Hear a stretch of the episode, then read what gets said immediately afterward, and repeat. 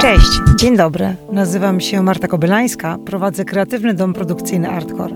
A to jest podcast Dobry Przekaz, w którym rozmawiamy o nowych formach komunikacji w internecie. Tematem dzisiejszego odcinka jest proces tworzenia animacji. Pokrótce przybliżę poszczególne etapy od briefu po finalną animację.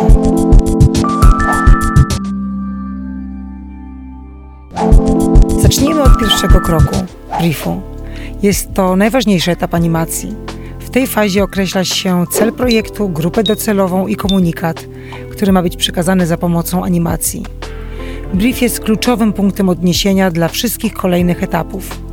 Niestety, często traktowany jest po macoszemu, a zdarza się, że i pomijany, a próby wydobycia jakichkolwiek szczegółowych informacji trudne.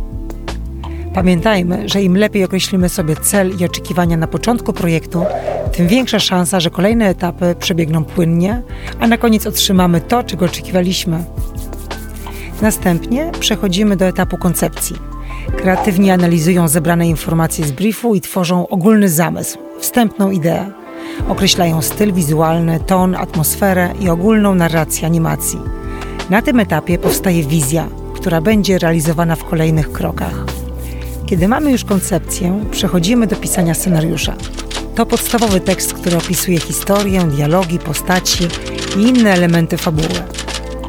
Dobrze napisany scenariusz jest jak mapa, która pomaga nam uniknąć zagubienia się w trakcie tworzenia animacji. Po zaakceptowaniu przez klienta scenariusza przechodzimy do stworzenia storyboardu. To tak naprawdę komiksowy zarys całej animacji, w którym przedstawiamy poszczególne kadry i ich sekwencje. Dzięki temu możemy zobaczyć, jak poszczególne sceny będą się rozwijać i czy przekaz jest czytelny. Po wypracowaniu storyboardu przechodzimy do etapu grafiki. To na tym etapie rysujemy i projektujemy konkretne postacie, tła, przedmioty i wszelkie inne elementy, które pojawią się w animacji. Oczywiście są one spójne z referencjami przedstawianymi na etapie koncepcji, ale teraz nabierają indywidualnego charakteru.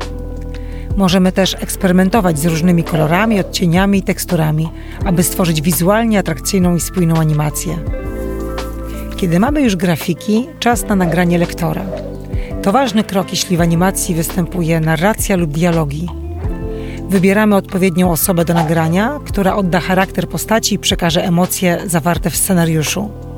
Musimy pamiętać, że w animacji inaczej niż przy nagraniach wideo animujemy już pod lektora.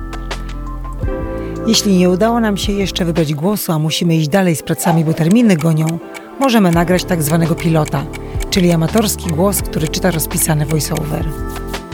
No i wreszcie najbardziej ekscytujący etap animacja. Tutaj nasze grafiki ożywają, stają się ruchome.